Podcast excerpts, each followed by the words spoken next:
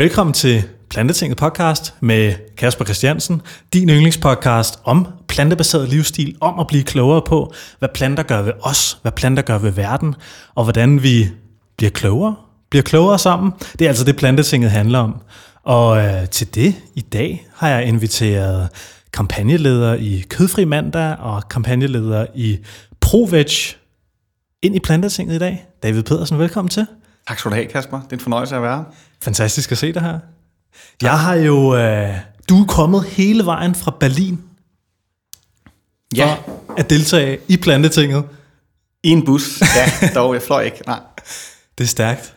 Og jeg har glædet mig sindssygt meget, som sagt, til at dykke ned i den her samtale her, fordi du har haft fingrene dybt, dybt nede i materien, hvad angår kampagner og plantebaseret kost og mad og vegansk aktivisme og alt sådan noget der.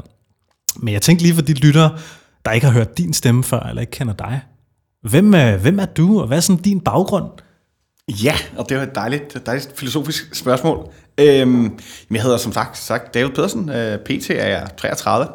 Øhm, ja, jeg blev meget interesseret i plantebaseret kost, da jeg læste på min filosofi på min bachelor på KU, og begyndte at tænke lidt over, okay, hvordan er det egentlig, vi behandler andre levende væsener. Øhm, nu har jeg selv arbejdet i et, landbrug nede på Falster, hvor jeg voksede op, mest af min ungdom. Og det skræmte hvor lidt, hvor lidt vi tænkte over, hvordan vi egentlig behandler andre levende væsener på den her grisefarm, hvor jeg var. Det var egentlig sådan set fine nok forhold og sådan noget, men der var stadig en masse ting, jeg sådan ikke...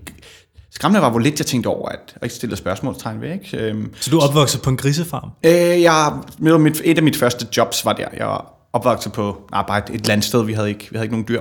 Men jeg arbejdede der. Det var så meget normalt at, gøre, kan man sige. Ikke? Og det tænker jeg ikke så meget over, hvad det egentlig var, fordi det var bare sådan en, det bliver bare lidt en produktionsenhed. Ikke? Men når man lige zoomer lidt ud, og det var så det lidt filosofistudiet var med til at give mig, øhm, hvor jeg så skrev om, om, om etik med dyr, og sådan noget, hvordan, hvad er egentlig grænserne for, hvordan vi kan behandle andre levende væsener. Ikke? Og så fik det mig ligesom lidt på sporet af det så oplevede jeg dog også sådan lidt det her, øhm, fordi så holdt jeg et oplæg omkring min bacheloropgave for en masse medstuderende. Der var ligesom en masse folk, der nikkede, og de synes, om det giver da super god mening. Hvis de kan føle smerte, så lad det være med at påføre dem unødig smerte og den slags. Men der var ikke rigtig nogen, der ændrede indkøbslister. Vel? Øh, så der var ligesom et skift i lidt i holdning, men ikke særlig meget adfærd. Så det var mærkeligt, når jeg lige fra filosofiens side kommet med nogle, nogle gode argumenter og sådan noget. Men det er ligesom ikke altid nok, og så skifter jeg undervejs. Det var, tror jeg, en af grundene til det over til min kandidat på CBS, Copenhagen Business School, hvor jeg så øhm, skrev, læste meget mere om branding, og endte med at skrive min, min, øh, mit speciale derude omkring øhm, clean meat, cellular agriculture, som vi skal snakke lidt mere om, og plantebøffer, altså de her veggie burger, impossible foods, beyond burger, alle dem, man, mange af lytterne her sikkert allerede kender, og bare ja, plantekød generelt, og så både fra sådan en økonomisk betragtning, altså hvorfor er det, det giver super god mening, når vi kigger på menneskeheden og produktionssystemer som sådan, og skifter over til flere planter. Der er en masse gode grunde, det kan vi også komme ind på. Og så også fra sådan et kulturelt perspektiv. Fordi der er jo den der, som du måske også mærker en gang imellem, mellem sådan rigtige mænd spiser kød, ikke? hvor kommer det fra? Så sådan en myte om jagt og en masse spændende ting, der ligger i vores fortælling som mennesker. Ikke? øhm, som kan være lidt svært at give, give slip på. Mm. Især når den sådan, traditionelle maskulinitet er lidt udfordret nu med same-sex marriages og ja, kvinder, der konkurrerer om de samme jobs og sådan noget. Ikke? Så, så den der, hvad er den traditionelle manderolle er lidt presset. Ikke? Mm. Øhm, så hvad betyder det så, når du, når du serverer en veggie burger og en, en, en normal oksekødsburger, eller en konventionel oksekødsburger? Hvorfor, hvorfor kunne der være nogen, der selvom der er en masse gode grunde til at vælge den, den er sundere og alt muligt andet, den her plantebaseret. Hvorfor vil nogen så alligevel vælge den første der? Så det specialiserede jeg så mig lidt i det her. Øhm, den filosofisk økonomisk betragtning af hele det der øh, grønne proteinlandskab. Og samtidig med det havde jeg så været med til at starte Kødfri Mandag op herhjemme. Mit, en del af den større Meat Mondays øh, globale bevægelse, om du vil. Den er i sådan 36 lande, har nok flere PT, der har en kødfri mandag-kampagne, en Meatless Mondays-kampagne. Mm. Den største, mest kendte er nok den i Storbritannien. Okay. Startet op af Paul McCartney. Ja. Så, så har jeg haft lidt, lidt praktisk baggrund med det, ikke? at få kantiner og andet her i Danmark øhm, til at skifte over til minimum en kødfri dag om ugen. Samarbejde med politikere og andet. Øh, ja, og så senest, så for halvandet år siden, godt og vel, blev jeg så ansat af ProVeg International, som er den her med et godt dansk ord, en International Food Awareness Organization, sådan en fødevareorganisation, der arbejder med fødevarer, har det her mål om 50 by 40, det vil sige en 50% reduktion af produktion og forbrug af animalske fødevarer i 2040. Aha. Så det er det, jeg sidder og arbejder specifikt med hos dem nu. Så der flytter jeg så til Berlin. Så det er derfor, det tager lidt længere tid at komme til den her podcast. Og lige ProVeg, er det, er det rigtigt forstået, at det er verdens største grønne organisation, interesseorganisation? Ja, det kan man godt sige. Nu, nu grøn, det er, jo, det er der mange ting. Det smider politikerne på begge sider af spillet lidt om med. Så ja, fødevareorganisation, vil jeg sige, mm. ja, altså fokuseret på det. Man kan sige, Greenpeace, der arbejder med klima og andre ting, de er så også begyndt at snakke mere om kødreduktion og andet. Ikke? Mm. Kunne man jo godt sige, er, er større indtil videre i hvert fald. Men jo, jo inden for sådan øh, øh, plan forward, øh, pro-veganisme og den slags, det vil jeg sige. Det vil jeg tro i hvert fald. Okay. Ja. Og jeg lærte dig at kende, David, i forbindelse med Dansk Vegetarisk Festival, hvor du holdt et, et synes jeg, mega fedt oplæg omkring øh, altså plantebaserede proteinkilder, alternative plantebaserede proteinkilder, og hvordan markedets udvikling ligesom er, og hvad der sker på de her super duper højteknologiske måder at anskue og begribe ny fremtidig fødevareproduktion på. Her øh, snakker du blandt andet om ja, clean meats og, øh, og ryggenvalter, Myle, der lavede sådan nogle øh, plantebaserede proteiner i forskellige dagligdags produkter. Kan du lige prøve at fortælle mig om, fordi det det, jeg synes kunne være så fucking hammerende spændende at, at diskutere med dig i dag og snakke med lytterne omkring. Plantebaserede proteiner og cellebaseret kød og sådan noget. Måske vi lige skulle starte med at, at lave sådan en overordnet begrebsramme. Hvad er det for nogle for, forskellige typer fødevarer, vi ser øh, komme frem i de her tider her? Inden for det veganske og plantebaserede. Ja, det er en fin, fin optag til det. Øh, og så fandt jeg lige ud af, at man må også gerne bande på podcasten Ja, her. det må du fandme gerne. Fedt. Det, det kan være, det bliver nødvendigt. øhm, jo, nu siger du... Lad os starte med, med det første spørgsmål. De, de produkter, vi snakker om her, dem du siger, der kommer på markedet, det der, det er øh, plantebaserede alternativer. Du har taget proteiner fra forskellige art. Øh, det, kan være, det kan være hvede, det kan være gluten, øh, hvede, proteiner fra hvede, det kan være fra sojabønner, det kan være fra ærter, det kan være fra en lang række, så udtrækker du proteinet, og så teksturerer du det, og så bygger du ligesom ud af det i en fabrik, en burger, ikke? Øh, meget lige til, hvordan man, du ved, så slagter man et, et dyr, og så, du ved, skærer man visse dele af det af, og så går det igennem sådan en proces, hvor det kommer til at ende som den øh, pose hakket kød, du finder nede i køledisken. Ikke? Det kan være sådan, øh, ja, den, en god måde at forstå det på, det, det er faktisk lidt det samme. Ikke? Og det, de her produkter minder så om traditionelle, øh, konventionelle produkter fra animalsk landbrug. Det vil sige, du har din, din mælk sådan bare lavet på soja, eller mandler, eller havre, som også vinder meget frem. Ikke? Øhm, så det, det er produkter og burger og ost og alle mulige ting, der ligesom går ind og bare øh, en til en erstatter det du ellers, hvis, hvis du spiser mere konventionelt, ikke? nu spiser du selv plantebaseret, så var det det, du havde smækket i din burger eller andet. Mm. Så det er meget sådan dagligvareprodukter. De, de har bare en anden, en anden historie. Ikke? De er produceret på en anden måde. Der har en masse gode konsekvenser. Så det var sådan, ligesom hvad er det for nogle produkter, vi snakker om. Ikke? Mm, mm. Burger, pølser, ost og, og mælk. Og så er der flere forskellige ting der også, men det er sådan lidt mere niche. Ikke? Men kigger man på det, der, det, der sådan er sket med øh, med hele fødevarelandskabet, sådan, hvis, hvis man zoomer, zoomer helt ud. Ikke? Så nu kan jeg forstå, at du har spist plantebaseret i ret lang tid. Ikke? Noget, der er sådan ret traditionelt at få, når man fortæller andre, at man spiser planter, eller man er veganer eller vegetar, så spørger de ofte, hvor får du så din protein? Ikke? Øhm, og så skal man lige pludselig have en anden medicinsk længere baggrundsforklaring om, hvor, hvor det kan man sagtens og sådan noget. Ikke? Det ved vi jo godt, ikke? Mm. Øhm, og det, det spørgsmål der, sådan, det, det, hvor får du dine proteiner fra? Ikke set som sådan et individuelt spørgsmål fra en, der ikke...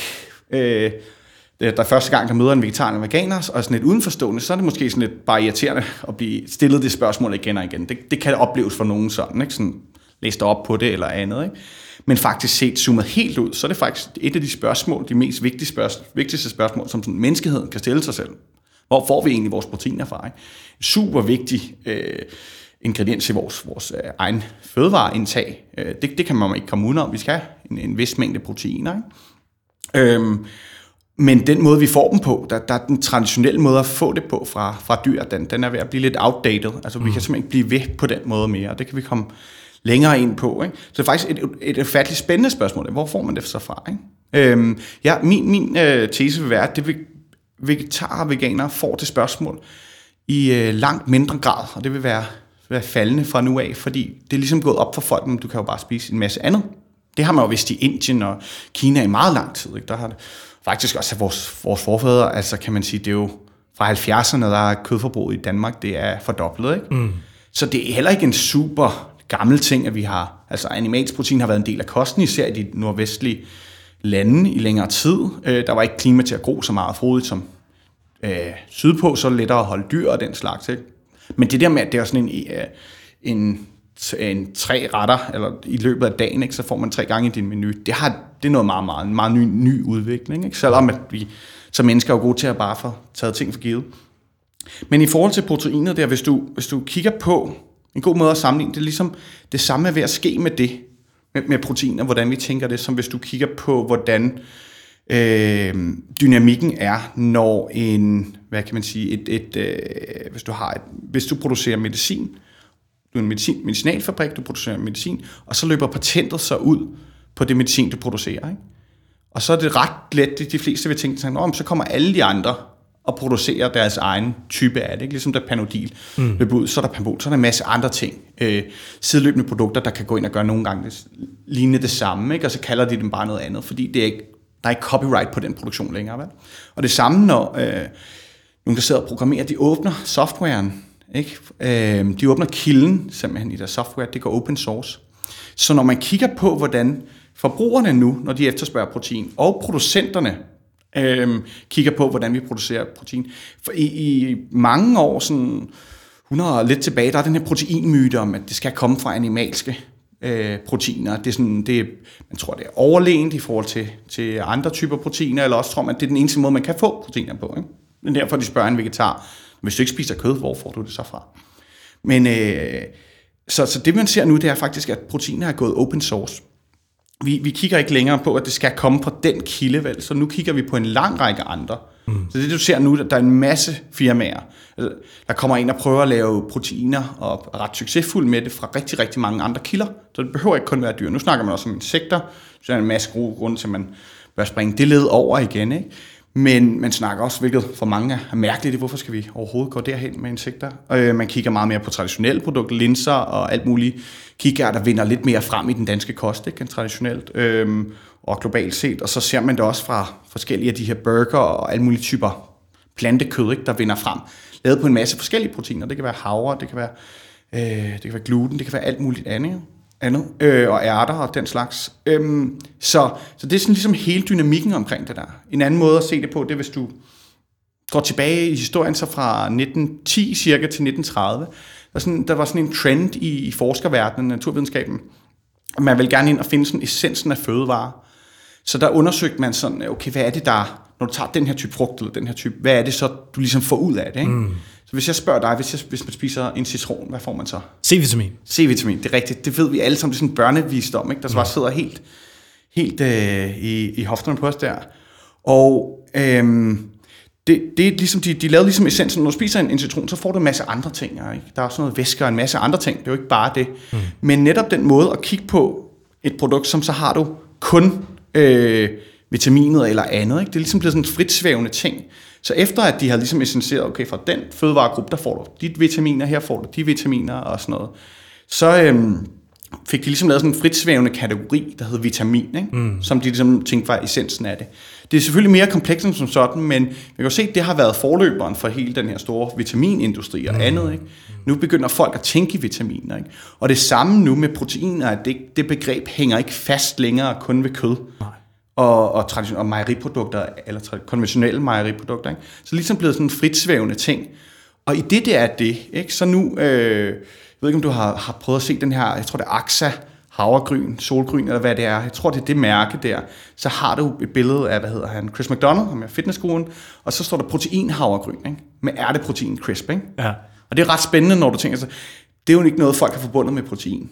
Og lidt sjovt, at, at ved det, at du tilføjer et eller andet ekstra proteinekstrakt til den her fødevaregruppe, hvor havregryn fra sådan et sociologisk, sige, kulturelt perspektiv, havregryn har aldrig været noget særligt sejt at spise, og det er de rige spiste eller sådan noget. Vel? Du vil aldrig øh, lave havregrød eller sådan noget til dronningen, når hun kommer på besøg. Vel? Men, men i det, at, at du ligesom kan hælde det her magiske stjernestøv ikke, på, der hedder protein, så, så, oh, så bliver det faktisk lidt fedt. Mm. Ikke fordi du måske vil servere det. Mm. For dronningen hellere vel. Men, men det her med den her, hvad kan man sige, en denominator, eller sådan en, en, en designator, der hedder protein, den er blevet fritsvævende, så kan du komme det på en masse andre produkter. Det løser ligesom op for forståelsen, at det ikke længere skal sidde fast i det. Ikke? Mm. Øhm, så det, det er sådan hele baggrunden for, hvad der er ved at ske med vores fødevaresystem, som vi ligesom er bare lige på begyndelsen af. Øhm, der er en masse... Så sådan som ja. jeg skal forstå det, så er vi ved sådan at bryde ud af den her 100 år gamle reduktionistiske måde at anskue fødevarekomponenter på. Øh, jeg ved ikke, om vi bryder ud af selve den med, med at reducere det. Man kunne sige, at vi fortsætter den tradition, men nu er det turen bare kommet til protein. Mm. Så nu... Øh, altså man kan sige, der er en masse, er en masse gode grund til ikke at reducere sin fødevare bare til det. Eller, men, men det kan også være fint at tænke i, at folk skal jo navigere i det. Mm. Så, så øh, vi, vi, vi har, altså det her, det startede ja med, at vi begyndte at reducere fødevare til det. Jeg kan sige fra, fra 1910'erne der. Men, det, altså, men nu er turen bare kommet til protein, så nu lader vi bare være med at tænke om protein som kun øh, til, hørende fast i animalske kategorier af fødevare. Så Altså, nu skal jeg selvfølgelig blive lidt, lidt, lidt højsvævende, men altså det vil sige, at, at, at vi, jeg tror ikke, vi, vi stoppet med at tænke kun i de der kategorier af fødevarer. Vi kan stadig godt lide at tænke i protein, og folk mm. vil gerne have mere og mere, selv men er mange studier viser, at vi i vestlig verden, der er ikke nogen, der er blevet af proteinmangel. Altså slet ikke på en vegetarisk eller vegansk kost. Altså, det, det kan man sagtens. Øhm, men det er jo stadig en, at proteiner er det er ligesom også det, man kan efterspørge. Kigger du på de andre typer macronutrients, ikke? så har du kulhydrater, ikke? som der desværre også er lagt lidt for meget had på nogle gange, ikke? fordi man vil gerne tabe sig at være fedt og skære ned på fedtprocent. Ikke? Så har du fedt som sådan, øh, og det er jo også noget, folk ikke er så glade for at spise for meget fedt, selvom der findes en masse god sund fedt og sådan noget. Så, ikke? Vi skal have noget fedt til hjernen og sådan noget, uden at være særlig ekspert, ekspert i ernæring. Men så ligesom protein står i det her trækløver af macronutrients og har vundet. Ikke? Mm. Så det folk gerne vil have mere af. Mm selvom der kan, altså vi får egentlig nok, vi får minimumsindtaget. Det, der kan være smart ved protein, det er, jo, jo mere du indtager det, så giver det en god mæthedsfylde. Ikke? Så går du ikke hjem og spiser flere chips, eller for, spiser for meget brød, eller sådan noget. Ikke? Så hvis du fyrer en god del øh, kikærter ned, hvor du så også kan være lidt mere kulhydrater end andet. Ikke? Mm. Men så er det stadig noget, der, der det er en god pladsfylder nede i maven. Og det gør så, at, at du taber dig i sidste ende. Ikke? Men det er jo ikke, fordi du har decideret brug for mere protein, vel? I forhold til muskelmasse, eller hvad det kan være. Så efterspørgselen på protein stiger, og efterspørgselen på bæredygtige kilder til protein stiger. Og ja. det er så det, du blandt andet arbejder på. Så jeg kan forstå, det du blandt andet laver i ProVeg, eller det I laver i ProVeg, det er ligesom at hjælpe virksomhederne til at drive deres produktion af fødevarer i en mere bæredygtig retning. Hvad er det sådan, I helt konkret gør, og hvad er det, I har gjort? Ja, også et spændende, meget åbent spørgsmål. Det er, jo en, det er en stor organisation, jeg arbejder med, så der er mange forskellige afdelinger. Så vi arbejder faktisk på øh, over hele værdikæden i, i, øh, i fødevaresystemet næsten, øhm, hvor jeg kan sige, vi, vi har politisk, på politisk niveau, ikke, så er vi med til, øh, det hedder de, de her store klimatopmøder, der det seneste var, var COP24, hvor vi var, øh, nu skal vi til Chile her øh, i år, til COP25. Det, er derfra, man kender Paris-aftalen og det her globale mål om at holde øh, opvarmningen på kloden til, til maks 2 grader øh, fra før industrielle øh, temperatur. Det, det der globale mål, når vi skal nå det, så skal vi lave en masse ting om i samfundet. Og der er fødevare, det spiller, spiller ikke en stor nok rolle i forhold til de planer, som, som politikerne laver derinde. Det ser man også lidt herhjemme, at det har ikke været særlig populært, før Alternativet kom ind og, og, og tog den op herhjemme i Danmark, at, at vi skal simpelthen gøre noget ved fødevare, og specifikt ved mange af det her store forbrug af animalske produkter. Ikke? Fordi det, det hænger simpelthen ikke sammen med at nå et, et bæredygtigt mål. Så der er vi med til at komme hen og sætte, sætte pres på politikerne der, ikke? Øh, og vise, at det er simpelthen en rigtig god måde at gøre det på. Senest vi fik en, en, en, en øh, hvad hedder det, så en award, som det så, sorry, mit, øh, mit danske der er blevet lidt, lidt, øh, lidt svingende. Øh, vi, vi fik en, øh, hvad? Det hedder ikke engang en belønning. En pris? En pris hedder det, det er det, det hedder. Tak skal du have, Kasper. For netop vores arbejde i øh, kantiner med øh, børn i folkeskoler. I, det var så i Tyskland specifikt, hvor vi lærer dem at finde noget glæde ved at konkurrere på plantebaseret vis. Ikke? Øh, det var noget, vi, vi fik af FN, som vi så også skulle fremvise det, og vise, at det er faktisk en rigtig god måde. Og de børnene vil gerne, de unge, og det er dem, der skal ligesom bære det hele fremad. Øhm, så vi lægger pres op på politisk plan. Vi er også med til at samarbejde om at lægge pres på, jeg ved ikke, om du har fulgt med i det her med, at fra EU's side er der lidt skepsis over for at kalde det en vegansk burger eller en veggie burger eller andet, fordi man er bange for det forvirrer brugeren, forbrugerne. Øh, det er der jo ingen absolut intet, der tyder på. Tværtimod, så ved folk meget lettere, hvad det er, det designerer. Så står der veggie foran, så er det ligesom nok. Det er, hvad øh, tyder på. Ikke? Så det er nok den traditionelle, konventionelle industri, der ligesom går ind og prøver, okay, hvordan kan vi sætte et kæp i hjulet på hele det her, ikke? Mm. På det her, fordi de ser det som en konkurrent, desværre. De vil gerne blive med med at producere på, på den konventionelle måde. Der er vi jo så også øh, i højere grad proaktive at være, gå ud og række ud til den eksisterende industri. Øh, du nævnte her, da, da vi mødtes der, jeg holdt oplæg og nævnte Rügenwalder Mülle, som er et kødfirma, i, en kødproducent i øh, Tyskland. En af de, de helt store dernede, som har været ejet i seks generationer.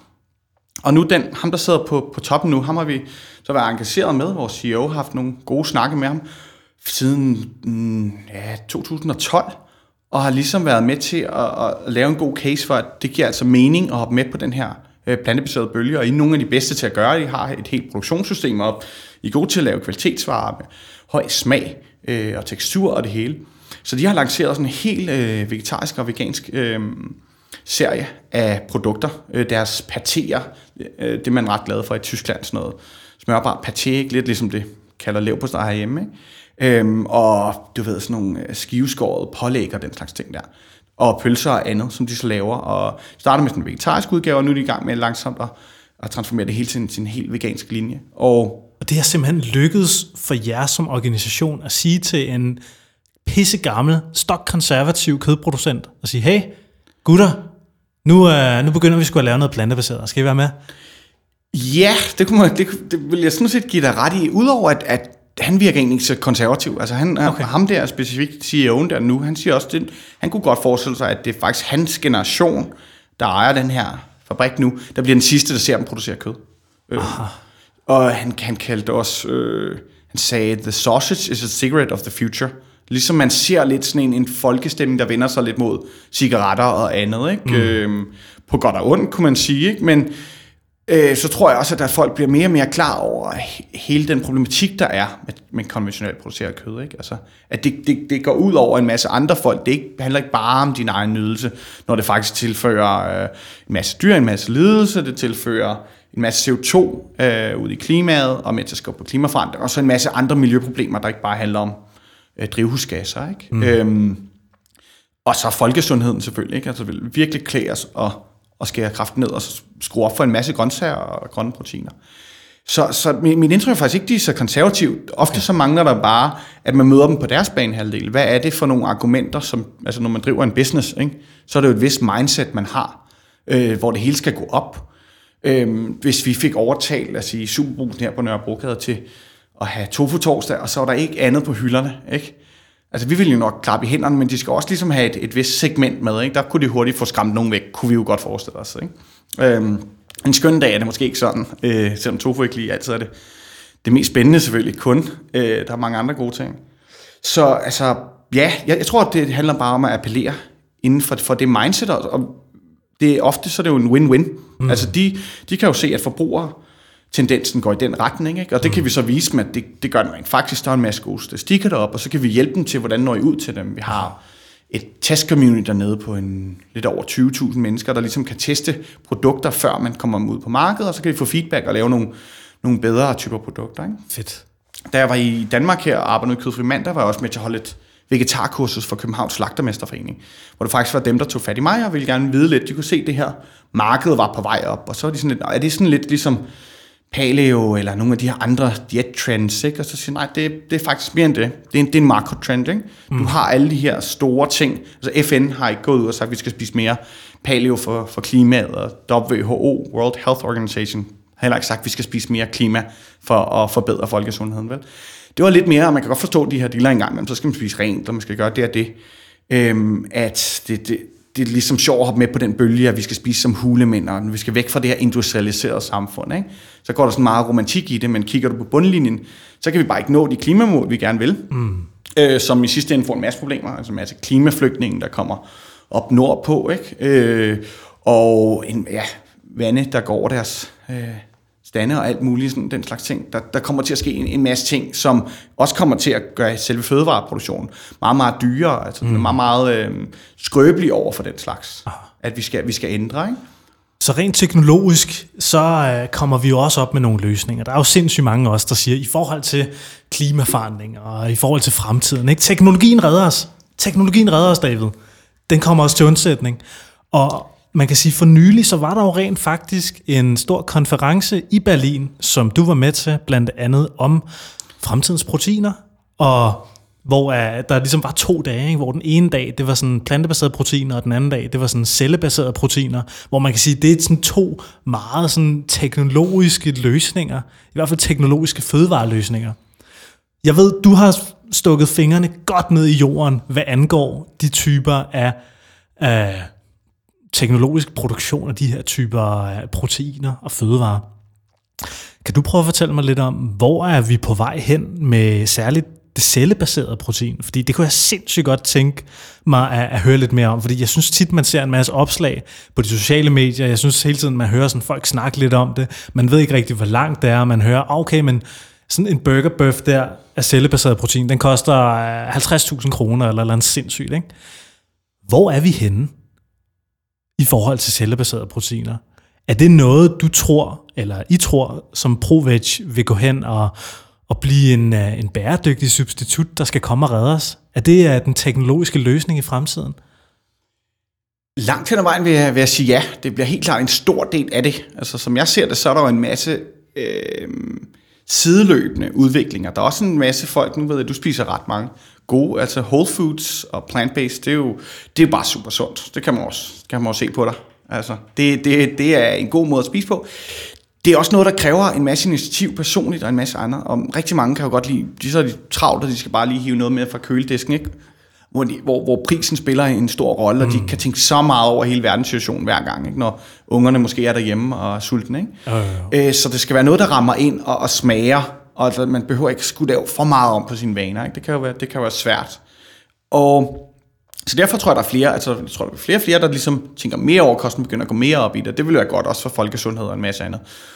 Og det er også godt at slå fast, altså whole food plant-based er nok den, den mest bæredygtige måde at spise på. Altså hvis du så bare spiser linser og bønner og kikærter, og indtager dem direkte, uden at det skal igennem alt muligt, det, det vil jeg, det vil jeg umiddelbart mene, det, det er den smarteste måde at spise på. Øhm, men, og det siger Mark Post, ham her, godfather inden for cellebaseret kød også, at han vil sådan set ikke have, at veganer og vegetarerne begynder at skifte mere til clean meat, når det endelig kommer. Selv hvis de skulle være etisk enige med det. Øhm, fordi at de skal da blive ved med at spise, som de gør. Mm. Det her det er rettet til en langt større øh, del af befolkningen, der måske vil have, have sværere ved at skifte over. Så cellebaseret kød, for hvis vi lige, hvis, det, det tror jeg kommer til at spille en stor del, og hvis vi lige zoomer ud, så så hele det her felt, øh, når man snakker om clean meat og andre ting inden for cellebaseret øh, fødevare, det hedder cellular agriculture, altså man går ind og ligesom laver... Øh, produkter inden for altså fødevareprodukter, og øh, faktisk også andre. Du kan lave øh, kunstigt læder ud af det, eller 3D-printet læder, som man traditionelt har fra, fra køer og andet. Øhm, og der er også nogen, der laver, øh, hvad hedder de nu, næsehornshorn, øh, fordi der er et stort marked for i sted i Asien, jeg kan ikke huske det mere specifikt, hvor at det er netop noget af det, der, der sætter et, et kæmpe udbud efter at og nedskyde øh, næsehorn og andet, ikke, som er en uddøende. Fordi der sidder en masse øh, gamle japanere, som ikke kan få stiv pæk, og det, tror, at de skal have yeah. næsehornshorn. det kunne det sagtens være. Jeg, jeg kan ikke helt specifikt, hvad det er, man, man tror, det kan gøre, men ja, der er sådan nogle skrøner om mere manddom eller sådan noget. Det skulle ja, ikke undre mig. Ja, ja. Øhm, men hvor man altså, det, det kan man også gå ind nu og, og det er der nogen, der er ved at udvikle, ikke? at man simpelthen bare kan, kan gro det i et lille laboratorium, så du ikke behøver at gå ud og plaffe en masse uskyldige næsehorn ned. Ikke? Wow. Så, så der, det har ligesom en masse muligheder. Altså der, hvor, hvor den her teknologi oprindeligt kommer fra, meget af den, det er jo der, øh, det er medicinalindustrien, hvor man har groet organer. Øh, hvis du mangler nyere eller andre ting, eller simpelthen bare et, et hudlag, fordi du har fået en forbrænding, eller hvad det kan være, så kan man regenerere det igennem den her. Ikke? Du har nogle celler, du tager nogle celler, og med de celler, der, øh, du tager de her celler, tager en biopsi ud, øh, i forhold til cellebaseret kød og andet, øh, tager en biopsi af en ko eller et andet dyr, og så øh, sætter du dem ligesom i et, et kar af en art, og tilfører, tilfører en næring, det man kalder et medium af en art. Det kan være forskellige næringsstoffer, ikke? Øhm, den skal ligesom have noget mad at gro på, ligesom vores egne muskler. Og så sætter du den så, ofte sætter du den som en ring omkring noget andet, fordi den der, så kommer der en spænding, der ligesom får, stimulerer musklerne til at vokse. Og så får du ligesom så de her stamceller, og stimulerer dem, så de bliver til muskelceller, der ligesom formerer sig mere og mere. Og sådan vokser kødet, eller gror ligesom. Så det man, det man forestiller sig på sigt, at det kommer til at se ud, som sådan nogle øh, meat breweries, altså simpelthen ligesom på Nørrebro Bryghus lige her, øh, to, 300 meter, den retning der, ikke? at øh, så vil det være sådan nogle store tanke, hvor, hvor at, øh, kød vil gro over en, et par uger eller sådan noget. Ikke? Ja. Jeg synes, det er så fucking sci-fi-agtigt at høre det her. Altså, det du, det du beskriver her, det, altså, det sker lige nu. Lige nu, der, der sidder nogle forskere og laver fisk. Jeg kan huske, jeg var, jeg var nede i Tyskland i Berlin og, og hænge ud med dig. Og så, øh, så mødte vi sådan en fyr på en messe, som var sådan, ah, men vi laver, vi laver fandme fisk. Altså, vi, vi gror fisk i, uh, i laboratoriet. Så det, det sker lige nu, og det synes jeg er så, det er så fucking sindssygt. Så der vi skal hen nu, det er simpelthen bare, at vi skal kunne masseproducere det, og det skal kunne betale sig at masseproducere. Ja, det er fuldstændig rigtigt. Altså, der ligger nogle udfordringer, netop fordi de kommer fra øh, medicinalvidenskaben, og der har det jo slet ikke været gearet til, at vi skal kunne gro en masse, masse kød til hamburger og fiskefrikadeller hele verden over. Det har jo været til, til de få øh, cases af folk, der mangler en nyre netop, eller mangler et organ og den slags ting. Så det er der gearet. Så der er ikke tænkt sådan pris og produktion så meget ind i det, vel? Mm. men mere sådan nøjagtighed. Mm. Så der er nogle, nogle udfordringer i forhold til at skalere op. Øh, hvad er det for en type medium, de skal have ind og bruge? Ikke? Og hvad er øh, hvad den type af øh, energi, altså strøm og andet, der skal ind til? Det skal selvfølgelig helst også være bæredygtigt og den slags. Ikke? Men det kan man sige, det er en, en bredere udfordring i samfundet. Ikke? Øhm, og så er der noget i forhold til det, man har produceret af de første ting, der ligesom har været smagsprøver ude på. Det har netop været en burger, ikke fra sådan noget lignende hakket oksekød. Øhm, og det man mangler er ligesom at kunne lave også, hvis man vil have steaks og en masse andre ting, hvor der ligesom er nogle, det er meget mere, øh, der er meget mere chewy, og det er en ja. helt anden tekstur. Ikke? Det der muskelfiber der. Ja, lige præcis. Og der, der skal du, altså der har snakket de om scaffolding hedder den, altså det er at bygge det op omkring sådan et... Øh, stilas. Stilas af en art, lige præcis. Og, og hvad skal det stilas så være? Skal det være et øh, plantebaseret stilas, de ligesom så kan lade musklerne gro op omkring? Det er en mulighed, så du bare kan spise det med, eller skal det være noget, de tager ud bagefter og genbruger? Og sådan. Der er sådan forskellige, altså der er jo, oh, hvad er der? Øh, det, ja, en snes dusin, eller hvad man kalder det, sådan 20, lidt over, nok mere. Øh, virksomheder nu, der kommercielt er gået ind i det her felt, ikke, og mm. arbejder med at bygge. Så det er ikke kun fra sådan videnskabs videnskabelig side også. Det er selvfølgelig en masse videnskabsmænd, der er ansat i de her firmaer, men der er ligesom kommersielle interesser i, og Bill Gates og øh, Richard Branson har investeret i det. Lars Seier, øh, ja, Saxo Bank. Saxo Bank, ja, han har smidt lidt penge i det, og ser det også som en fremtid. Øhm, og det er jo lidt sjovt, tager man ham som eksempel, ikke? at det ikke behøver at være sådan nogle, nogle hippier som os, der synes, at skal verden være et bedre sted og alt muligt andet. Der, det er rent faktisk økonomiske interesser, mm. hvor man måske ikke kan få så meget klemt, klemt en tår frem hos, hos Lars ved at ligesom øh, videoer med, med slagtekyllinger, men han kan godt være med på, at det her det bliver vi jo nødt til. Mm. Altså, hvis vi nu zoomer igen tilbage, som jeg jo godt kan lide øh, med filosofbaggrunden der. Altså, FN har også sagt, øh, at det, det, det er simpelthen en, en, en, øh, det er en blindgyde med den konventionelle produktion, vi har nu. Altså, hvis du forestiller dig, at sådan noget som bare tager man antibiotika, ikke? Hvis vi, skal, hvis vi skal skalere op, så skal vi intensivere. Det vil sige, så er det ikke de her økologiske landbrug og den slags og bedre dyrevelfærd og bedre ved planeten og sådan noget. Vel, det, det er færre, øh, større øh, buer, ikke? eller mindre buer, færre af dem. Ikke? Øhm, og så skal du bruge mere antibiotika til at holde, holde de her dyr sunde, fordi de går og hoster ind i hinanden. Ikke? Øhm, og det vil også, hvis du ligesom laver, øh, hvad kan man sige, the playground eller øh, markedspladsen, øh, hvis du bygger incitament op til, at flere og flere skulle gå ind i det, altså det bliver simpelthen billigere at producere konventionelt kød, fordi vi understøtter med mere landbrugsstøtte nu, eller hvad man nu kunne gøre, ikke? så vil der jo flere, der tænker, det skal jeg da ind og investere i, ikke? så bliver det skruen uden ende. Mm. Og, og vi, vi står ligesom og banker lidt på planetens grænser her. Ikke? Altså det ja. udleder jo meget mere CO2 end et, øh, ja, plantebaseret hakket oksekød, ikke, som man kan købe fra naturlig eller sådan noget. Ikke? Øhm, så så det, er, det er ligesom skoen uden ender. Det, det er rent økonomisk, altså selvom man ikke tager sig så meget klimaforandring eller andet, så, så er vi bare sådan nået lidt grænserne for, hvad vi kan, ikke? og med en voksende befolkning. Mm.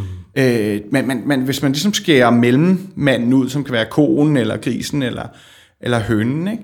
så kan du producere meget mere mad. Og mm. du skærer også et kæmpe led af i, i fødevarekæden der. Ikke? Og så, så du slipper for en masse bøvl, ligesom, ikke? og det er rent økonomisk betragtet. Øhm, og det er jo et argument, der netop resonerer med, med sådan nogle investorer og fremadsynede øh, finansmænd og andet, der sådan tænker, okay, det giver, det giver bare god mening, de kan godt se, at den traditionelle måde at køre det på, ikke? Ligesom altså, der var sådan, øh, ja, hesten blev ofte brugt ikke, til at trække folk frem, hist og pist her, ikke? og det var nok heller ikke altid de bedste vilkår, den havde. Men så kom man ind med, med bilen, ikke? Øhm, der simpelthen bare kunne, altså kunne proppe mange quote-unquote hestekræfter ind i sådan en motor der, ikke, der kunne trække folk frem. Og nu er det jo det foretrukne transportmiddel. Det er der så også en masse udfordringer lige ved, ved bilerne nu, ikke, som vi er ved at finde ud af selvfølgelig, men pointen er her, at du har en forretningsmodel, der er bare bedre, det er et bedre produkt. Ikke? Øhm, så, så altså, som så en, der sagde meget fint, the, the Stone Age didn't end because we ran out of stones. Vel, altså man kunne godt klemme den måde, vi, vi kører konventionel produktion på et lille stykke tid endnu, og så virkelig løbe ind i udfordringerne ved det. Ikke? Øhm, men jo før vi ligesom får investeret om, jo mere reducerer vi alle de negative konsekvenser, ikke? og jo flere dyr får det, får det hurtigere bedre, og lade være med at blive født ind i sådan en industri der. Ikke? Øhm, ja. Det er fandme fucking spændende. Altså, jeg synes, det lyder helt sindssygt fedt, og mega vildt, og, og fantastisk, at man engang i fremtiden vil kunne springe alle de her produktionsled over og effektivisere forsyningskæden, sådan så vi bare kan pumpe bæredygtig kød ud i forretningerne. Ikke? Jeg tror i sidste ende forbrugerne, de er jo sådan lidt ligeglade med, bare de kan få vedligeholdt deres vaner, så de kan få deres spaghetti med kødsovs, og de kan få det hammerne billigt. Hvor lang tid tror du, der går, før at man kan se de her, det her hakkede cellekød nede i uh, Superbrusen på Nørrebrogade? Lige specifikt dernede, ja. Ja, altså hvad, hvad jeg forstår ved, ved de seneste prognoser, der ligesom kommer fra folk, der arbejder i industrien, og der kunne Mark Post, øh, som en af de førende videnskabsmænd inden for feltet, nok komme med de bedste prognoser. Ikke? Og han sagde, jeg tror for et år siden, så siger han sådan om, og nok om fem år, ikke? det vil sige fire år fra nu, vil man begynde at se det være skaleret op til et punkt, hvor det kommer ind i high-end restauranter. Ikke? Mm.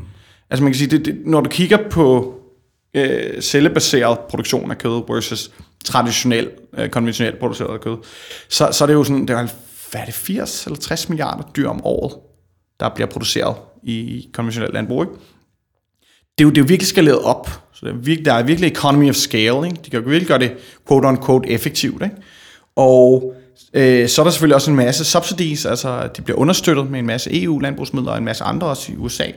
Øh, de har deres eget øh, bidragssystem. Så altså det, det, det, der er lidt en konkurrenceforvridning i det nu, ikke? så den skal ligesom have tid til at skalere op.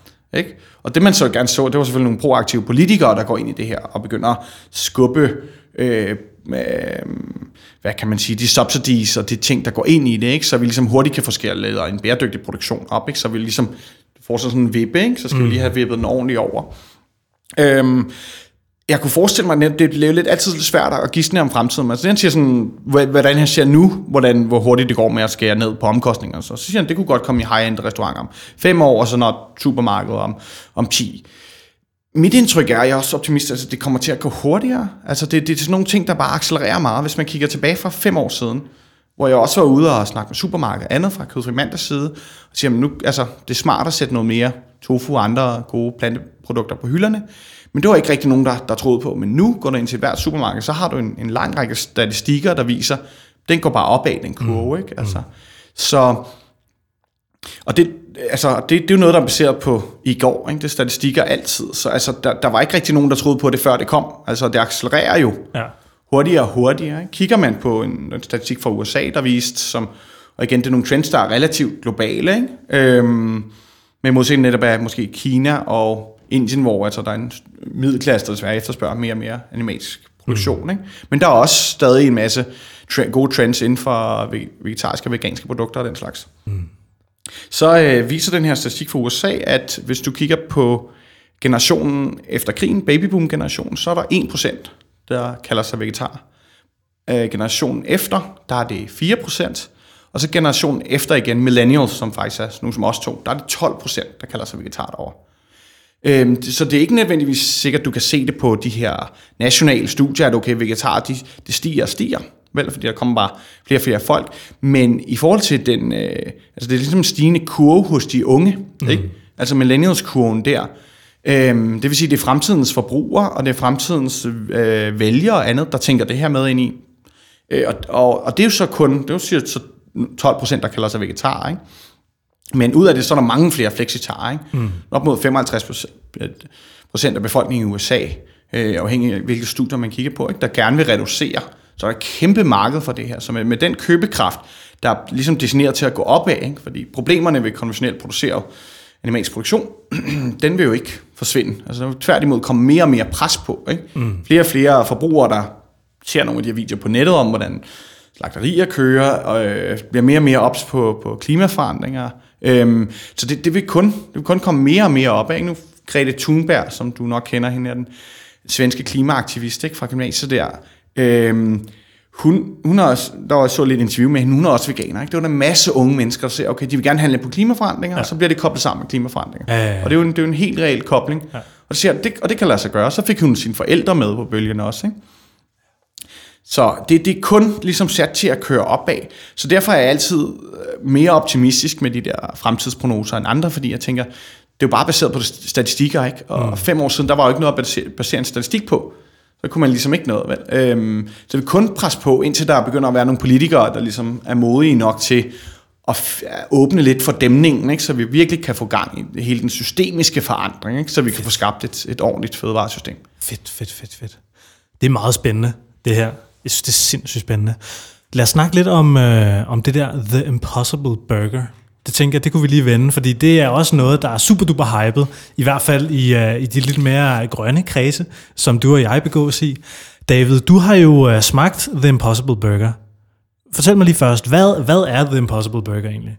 The Impossible Burger kommer fra fødevarefirmaet Impossible Foods, øh, som starter af en, øh, jeg tror, en professor fra Stanford i, inden for biologi, som jeg forstår det. Øhm, øh, og han har startet det her firma op. Han har forsket lang tid og vil gerne gøre noget godt for planeten, og så fandt ud af, det er jo i fødevaresystemet, at, at det virkelig rykker. Mm. Og så har han tænkt, okay, hvis man skal give folk noget, så de vil skifte væk fra konventionelt kød, så skal man give dem noget, der er lige så godt eller bedre. Ikke?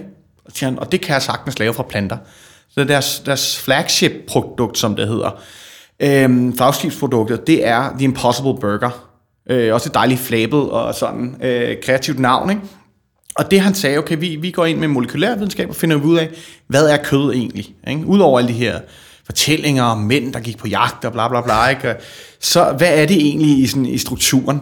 Og så sagde han, at øh, de har let efter det her molekyle, der gør kød til kød. Ikke? Og det han så har, har, har sagt, er, at det vi fandt frem til, det var non-hemjern. Okay. Hemjern, som er det i vores, vores øh, molekyl, der er i vores blod, der giver sådan en metallisk smag og meget sådan umami og meget, meget stærk og kraftigt. Ikke? Mm. Så det, det, er sådan, det er simpelthen en af sådan, hovedingredienserne, hvis man kan kalde det, i, i kød. Og det har han så fundet ud af at, at tage det strakt af fra planter. Øh, og det hedder så non-hemjern, det har de samme egenskaber. Og det gør så, at de kan lave den her planteburger, du ved, der bløder og øh, har samme lyd og, og saftighed på grillen, når man ser det og sådan noget. Ikke? Øh, og så har de en masse andre øh, gode planteting i. Øh, den er, så den er, altså, da jeg husker den, da jeg smagte den i, i LA for et halvt år siden, eller sådan noget, den, var, den, er, den er fed, og den er, den er tyk, og ja, sådan, spiste en burger, der også i øvrigt var vel, vel tilberedt med alt det andet. Blev mæt på den old school måde, altså jeg har ikke spist, spist øh, kød i 10 år eller sådan noget. Ikke? Den, den fylder godt. Altså. Ah. Øhm, jeg tror også, igen jeg vil sige, whole food uh, plant-based er nok meget sundere end det, men det var meget sjovt at få sådan en en gang imellem. Ikke? Øhm, så ja, det, det, det er primært den. Den er lige blevet... Øhm, altså det, det fødevarefirma i verdenshistorien, Impossible Foods, der har fået investeret flest penge ind i sig, før de overhovedet har et produkt på markedet. Ikke?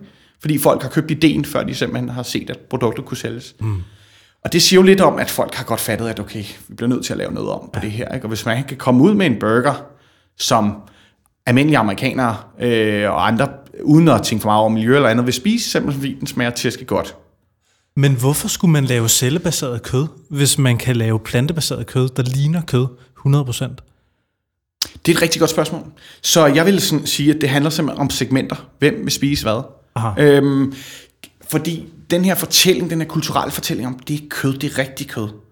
Der vil stadig være nogen, det var også nogle studier, der viser, at sådan det grønne segment, om det er flexitar, veganer, vegetarer, øh, der er jeg vil nok have måske en psykologisk sådan, for, hvad kan man sige, fornemmelse af, at det, vi har ikke så meget lyst til at spise det der øh, cellebaseret kød. Vel? Det er måske lidt for real eller sådan noget. Det er vel nogen, der vil tænke. Ikke? Også fordi jeg tænker, cellebaseret kød er vel heller ikke, det kan vel heller ikke klassificeres som 100% vegansk, tænker jeg. Det kommer meget ind på, hvor du sætter, øh, hvor du sætter kommet. Altså Okay. okay. hvis det er, hvis du er veganer i forhold til, du vil reducere dyrs lidelse, så de her, øh, man, man, det er i hvert fald, hvad man arbejder på, som indtil videre tager man en biopsi, ikke? tager noget, øh, som er bare et lille prik fra en ko. Hvis du er imod sådan det specifikt, fordi du ser det som dyreudnyttelse eller sådan andet, ikke? Mm. der er sådan lidt forskellige skoler, om man overhovedet ikke må kigge ondt på et dyr, eller om, altså hvis, man, hvis de har det godt, og man ikke slagter dem, ikke misbruger dem, eller om det så er fint at have companion species, altså hunde og katte og sådan noget. Mm. Der er sådan lidt mere et, et moralsk gråzonefelt, men jeg tror mange veganere, traditionelle veganere, vil nok have det lidt mærkeligt ved, at det er stadig et dyr indblandet. Men det sagt, så kan du øh, med den, den kommende teknologi, som jeg forstår det i hvert fald, der vil du kunne simpelthen bare gro de her celler, øh, muskelceller af sig selv, og simpelthen kontinuerligt ud i det uendelige. Det lægger også et argument i for, for industrien, der udover de meget idealistisk drevet, de vil gerne have dyret ud af produktionen som sådan, så er det også bare en mere ren sådan, biologisk masse, de får ind. Det vil sige, hvis du hver gang skal tage en ny biopsi øh, stikprøve fra et dyr, så får du en lidt anden type biomasse ind. Mm. Og den er lidt sværere at arbejde med, fordi der er en masse små ting, der har ændret sig. Og så bliver det sværere ligesom at reproducere. Så, så det tror jeg, de får ligesom også kommer væk fra det. Men siger vi så, at okay, du har så en, en, en, en burger, der er stadig groet i et laboratorie, med sådan, hvad kan man sige, traditionel DNA fra diverse dyr eller andet. Ikke? Øhm, om, om veganere og vegetar vil spise det. Jeg tror, der er mange, der vil, vil sige fra. Jeg tror, dem, der spiser veg- vegansk og vegetarisk, de vil nok bare fortsætte med at spise de traditionelle produkter, og de hælder lidt mere mod planteburger og andet. Mm. Meget af det, tror jeg, er symbolikken, mm. simpelthen. Altså, det, planteburger og sådan noget vil nok generelt stadig være bedre for miljøet, end den her proces, hvor man så skal gro der andet. Men det er sådan lidt sværere at se. Det må vi vente og se med, når de rent faktisk får de produkter op, og hvordan den produktion op, og hvordan de så producerer det. Mm. Øh, det er sat til at bruge en, en god del energi stadig. Stadig meget bedre, fordi du bruger ikke noget land, og altså det er 100 gange bedre for miljøet. Der er slet ikke nogen, nogen debat omkring det, vel? Men, men altså, det kan måske være smartere stadig bare at spise plantebøger, eller gå direkte til linser og, og kikærter. Øhm, Men tilbage ja. til det der cellebaseret kød versus The Impossible Burger, ja. Som jo er fra planter. Hvor, hvad for nogle af de her to ting vækster mest lige nu? Hvad, og hvad, hvad, hvad tror du, vi vil se mest af i fremtiden? Og tror du, det ene vil udkonkurrere det andet? Tror, og hvad, hvad, hvad, hvad ser du? Jeg tror, jeg ser dem lidt sideløbende. Altså, Okay. okay. fordi vi nok har, hvis du kender den her The Law of Diffusion of Innovation, som det hedder så fint, der lidt beskriver, hvordan teknologiske og andre typer udviklinger sker i et samfund, så har du ofte 3%, der starter, som er the early, sådan, det hedder the innovators, ikke? Det er dem, der først får en smartphone og, og andet. Og så får du uh, the, uh, early adopters, det er 10% ekstra, uh, de første 10%, der ligesom hopper med på, hvad de 3% der startede, og begynder også at få, og så begynder markedet at vokse der, så det er ikke bare en niche længere. Ikke? Så har du uh, early majority, som er cirka en, en tredjedel, der hopper med på det og begynder at købe også. Ikke? Og så har du sådan, øh, øh, hvad hedder det, middle majority, og så har du, eller late majority, som det hedder, så the laggards, den sidste tredjedel der også. Ikke? Så det er ligesom sådan, det kører. Det skal ligesom sættes i gang af noget, men det skal ud af en nicheproduktion. Ikke? Øhm, så, så altså, jeg tror, øhm, med, med, med, ligesom med, med, med det scope på det, altså det kommer til, det kommer til at vokse, og vi er, vi er ligesom i, øh, vi er i, startskud på det nu, ikke? Øhm, kan, kan du lige gentage spørgsmålet i forhold til The Impossible Ja, Burger der? det jeg spurgte dig om, det var nemlig fordi, øh, i forhold til udvikling og den teknologiske udvikling, vi ser her to øh, helt brand new, helt nye produkter. ja. Og, og sådan som jeg hører dig forklare det, så, så ser du, at de vil udvikle sig sideløbende med hinanden. Ja. Hvor jeg måske mere tænker, at det kan måske være, at den ene bliver så omkostningseffektiv, at den vil overtage markedet måske, eller at den, bliver, den er så interessant for forbrugerne, at den vil overtage. Så, så at, men det ved jeg selvfølgelig ikke. Det kan også godt være, at vi vil se begge typer ting, der smager fuldstændig ens og ligner hinanden fuldstændig, men er lavet på to vidt forskellige måder. Øh. Ja, der vil jeg sige, at det, det ene vil nok appellere stadig til dem her, igen den her, den sidste del, the late majority, der bare ikke har lyst til at skifte over til planter, eller dem, der ikke har fået smartphones endnu. Ikke? Mm. De vil gerne have det helt traditionelle. Der skal ikke pilles ved for mange ting. Mm. Så har du sådan nogle som os, der skal ud hver gang vi er i en ny by, så skal vi prøve den planteburger, der er der. Ikke? Der er virkelig sådan nørderne inden for det der. Så, så jeg tror, at det her plantebaserede andet, det appellerer til the, the innovators, så det er også lidt unge og hippe, der spiser de her ting og skal ud og prøve det. Og, øhm, men, men plante, plantekød har også øhm, masser af potentiale til at nå ud meget, meget bredere. Det ser man også i USA for eksempel. Nu, mm. nu har de lige lanceret, så jeg i forgårs, uh, The Impossible Whopper, hvor de simpelthen bruger Impossible Burger på, på Burger King. Så vidt jeg kunne forstå, så er det et sted, hvor de lige tester det af. Ikke? Men, men altså, Burger King går ikke bare lige ind og tester et eller andet af. Nej, nej, nej. Så der, der, der er helt klart planer bag om at ekspandere. Ikke? Bum. Og der lavede de en smagstest med en masse amerikanere der, der før har de ligesom fået dem til at udtale sig, ja, fordi jeg elsker Whopper, og det skal bare være oksekød, og det, der skal ikke være noget andet. Og så bagefter, når de smagte den, ikke, så kan de simpelthen ikke tro, hvad det er, de har, har smagt. Ej, det der, det er ikke lavet af planter til sig, ikke? Og så, så hvis det bare er smagsbaseret så skal, og teksturbaseret, så skal den jo nok vinde frem. Så er der jo noget af det der, igen, den her symbolske ting med rigtige mænd spiser kød og fortælling om, hvem er ligesom øh, øverst i fødekæden her på planeten. Ikke? Der ligger ligesom en masse narrativer stadig lidt gemt i det omkring mm. menneskeheden, mm. Øhm, som jeg tror er lidt sværere at få bugten med. Mm. Men, men jeg tror, kigger du på alle de grunde, der er, ikke? sundhed og alt det der andet, der ligesom vokser, og de økonomiske grunde til, at firmaerne begynder at skalere op, ikke? altså blandt alt det der, ikke? Så, så skal vi, det er klart, at vi skal skifte væk fra den traditionelle fødevareproduktion. Så det kan godt være, at du har de her uh, late majority, ikke? den 33 procent, der skifter senest, og måske er dem, vi allerede kan nå direkte med uh, cellebaseret kød i højere udstrækning. Ikke? Mm. Så var der at Mark Post, tror jeg, der var, der stipulerede, øhm, at så kan det godt være, at har man gennem at, ligesom at producere cellebaseret kød, har du så øhm, allerede sådan udvandet den her, det her kulturelle narrativ om, om rigtig kød og den slags, så meget, at så kan det måske være lidt lige meget, så kan lige så godt spise en planteburger. Ikke? Mm. Det kunne også være en mulighed. Helt sikkert. Jeg tror, det er svært at gisne om, hvordan det kommer til at se ud i fremtiden. Helt ja. specifikt, fordi der er så mange narrativer. Ikke? Mm. Ser man også med globaliseringen, som en masse er glade for, men så kommer der en masse pushback. Ikke? Ja. Så er en masse, nej, nu skal det gå i den her retning, og vi skal mm. være mere lokalt forankret og mm. nationalt forankret. Så det er ligesom de der kulturelle narrativer. Også i forhold til, Singer. tænker jeg, særligt insekter, hvor de her kulturelle narrativer, som du nævner, virkelig, altså virkelig er med til at lægge en roadblock for, hvordan at den udvikling ligesom sker. Hvor jeg kan virkelig se, at altså, man tager de her øh, planteting meget mere seriøst, end man tager insekter seriøst. Det, det er i hvert fald sådan det, jeg ser. Jeg tror, der bliver landet mange flere investeringer i de her planteudviklingsting frem for insekter. Jeg ved ikke, hvor meget ved du om det? Jeg har ikke øh, specifikt nogen tal på øh, sådan procent af investeringer. Det er også klart mit indtryk, at der er meget mere fokus på, på plantekød og den slags. Især i USA, der er det ligesom det, de Bill Gates og alle de store investorer, de smider penge i, og de mm. andre typer af kapitalfonde. Øh, det er meget mindre i insekter. Øhm, men der er, det, har, det får lidt omtale her og der. Ikke? Øh, for mig at se, så, så er der forskellige grunde. Altså, der er også kulturelt, som du nævner. Det er for os i Vesten, hvor man sådan tænker, det er lidt noget mærkeligt og eksotisk. Ikke? Øhm, men jeg tænker altid på løvernes konge der, hvor han skadede insekter, mens han er, er ved at vokse op der. Sådan, det, det, det er sådan lidt for mærkeligt for mange af os. Og det tror jeg kommer til at være svært at komme over det mm. for en lang række folk. Så det man ser med mange produkter nu, så er det sådan i en proteinbar eller i mel, så får du noget proteinmel, hvor det ligesom har, hvor der er melorme i, eller andre typer øh, insekter. Ikke? For ligesom at, at gemme det lidt væk, og så tilvende folk lidt til det, så det tager lidt længere tid. Øh, så du har ikke set en, du ved, en, en, det kan godt være, at den er derude nu. Jeg har i hvert fald ikke lige stødt ind i en dansk supermarked, men en insektburger. Mm. Det ser du ikke, det vil være lidt for fremmed. Der skal nok være nogen, der... Det er altid sjovt for nogen at gå ud og prøve det, ikke? Men derfra er så til at skalere det op. Så det, det er ligesom en af tingene. Og så er det også, at det fødevaresystem, vi har nu, det skal vi skifte hurtigst muligt væk fra, ikke? For, for at få de bedst mulige konsekvenser.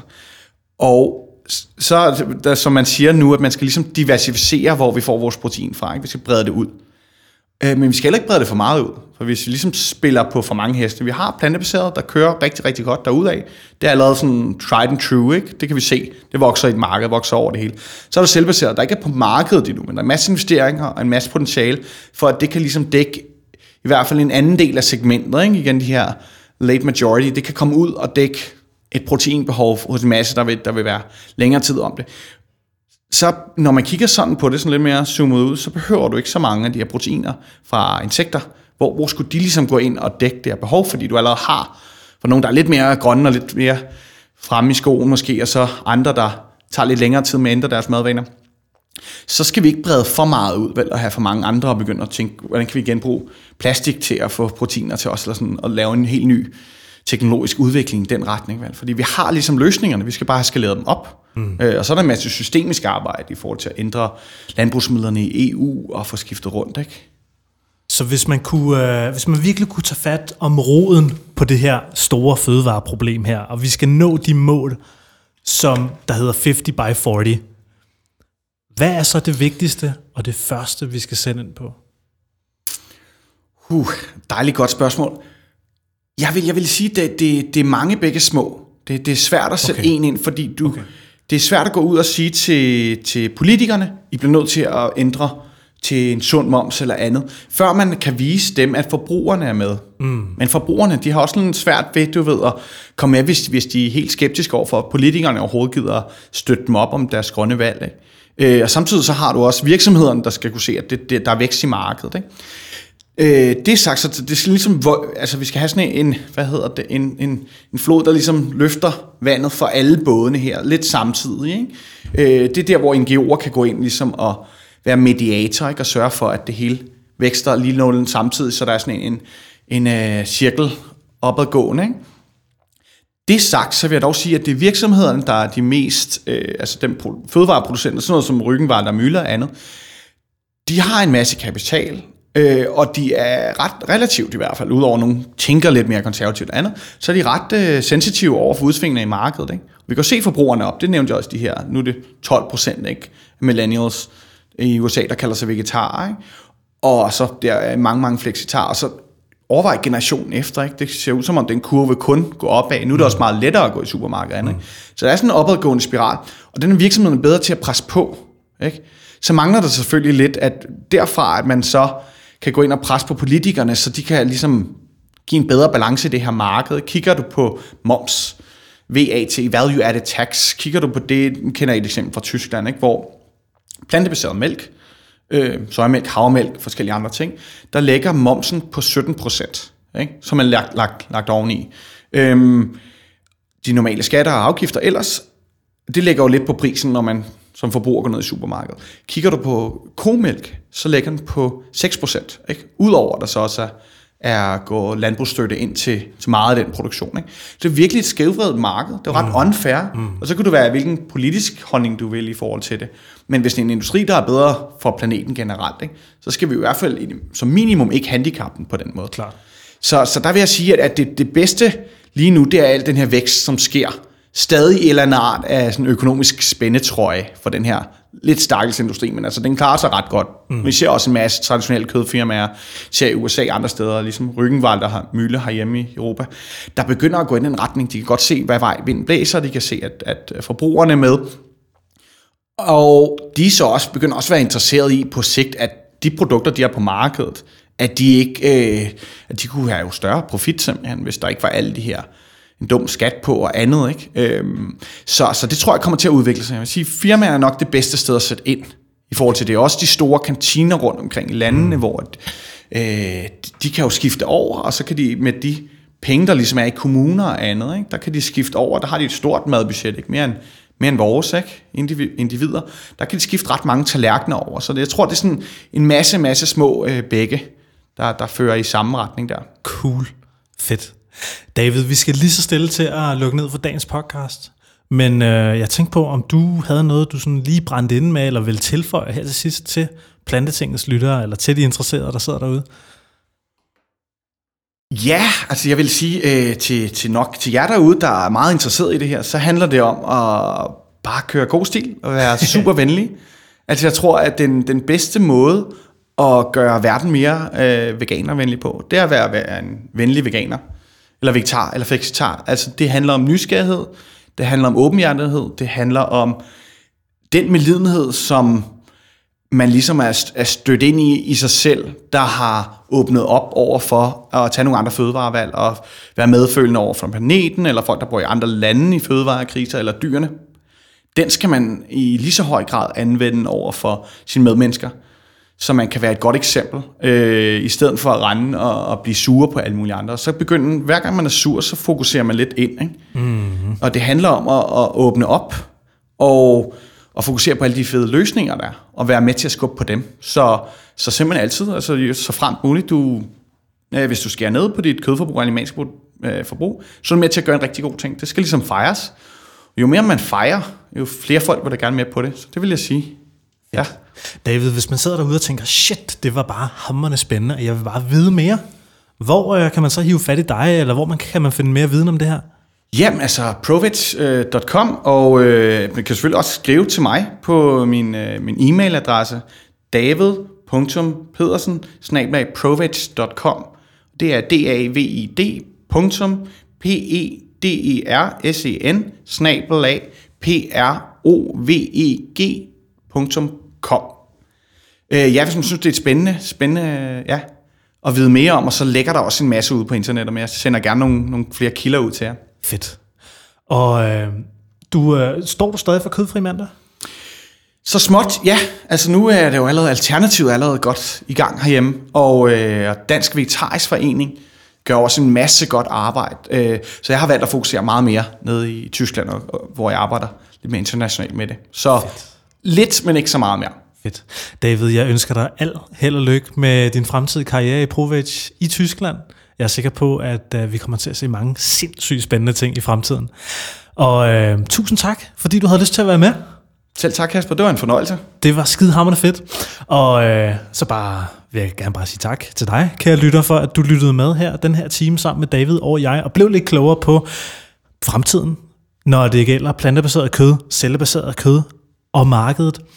Du kan, hvis du har lyst, lige tage et screenshot af din telefon, hvor du lytter til den her podcast her, og del på Instagram story, eller på Facebook, eller et eller andet sted, og lige sige, jo, jeg lyttede til Plantetinget, og blev mega klog, det var mega nice. Så for alle dine venner til at lytte til det her, fortæl dine venner om det. Du er også velkommen til at støtte mig økonomisk på det, der hedder plantetinget.10.dk.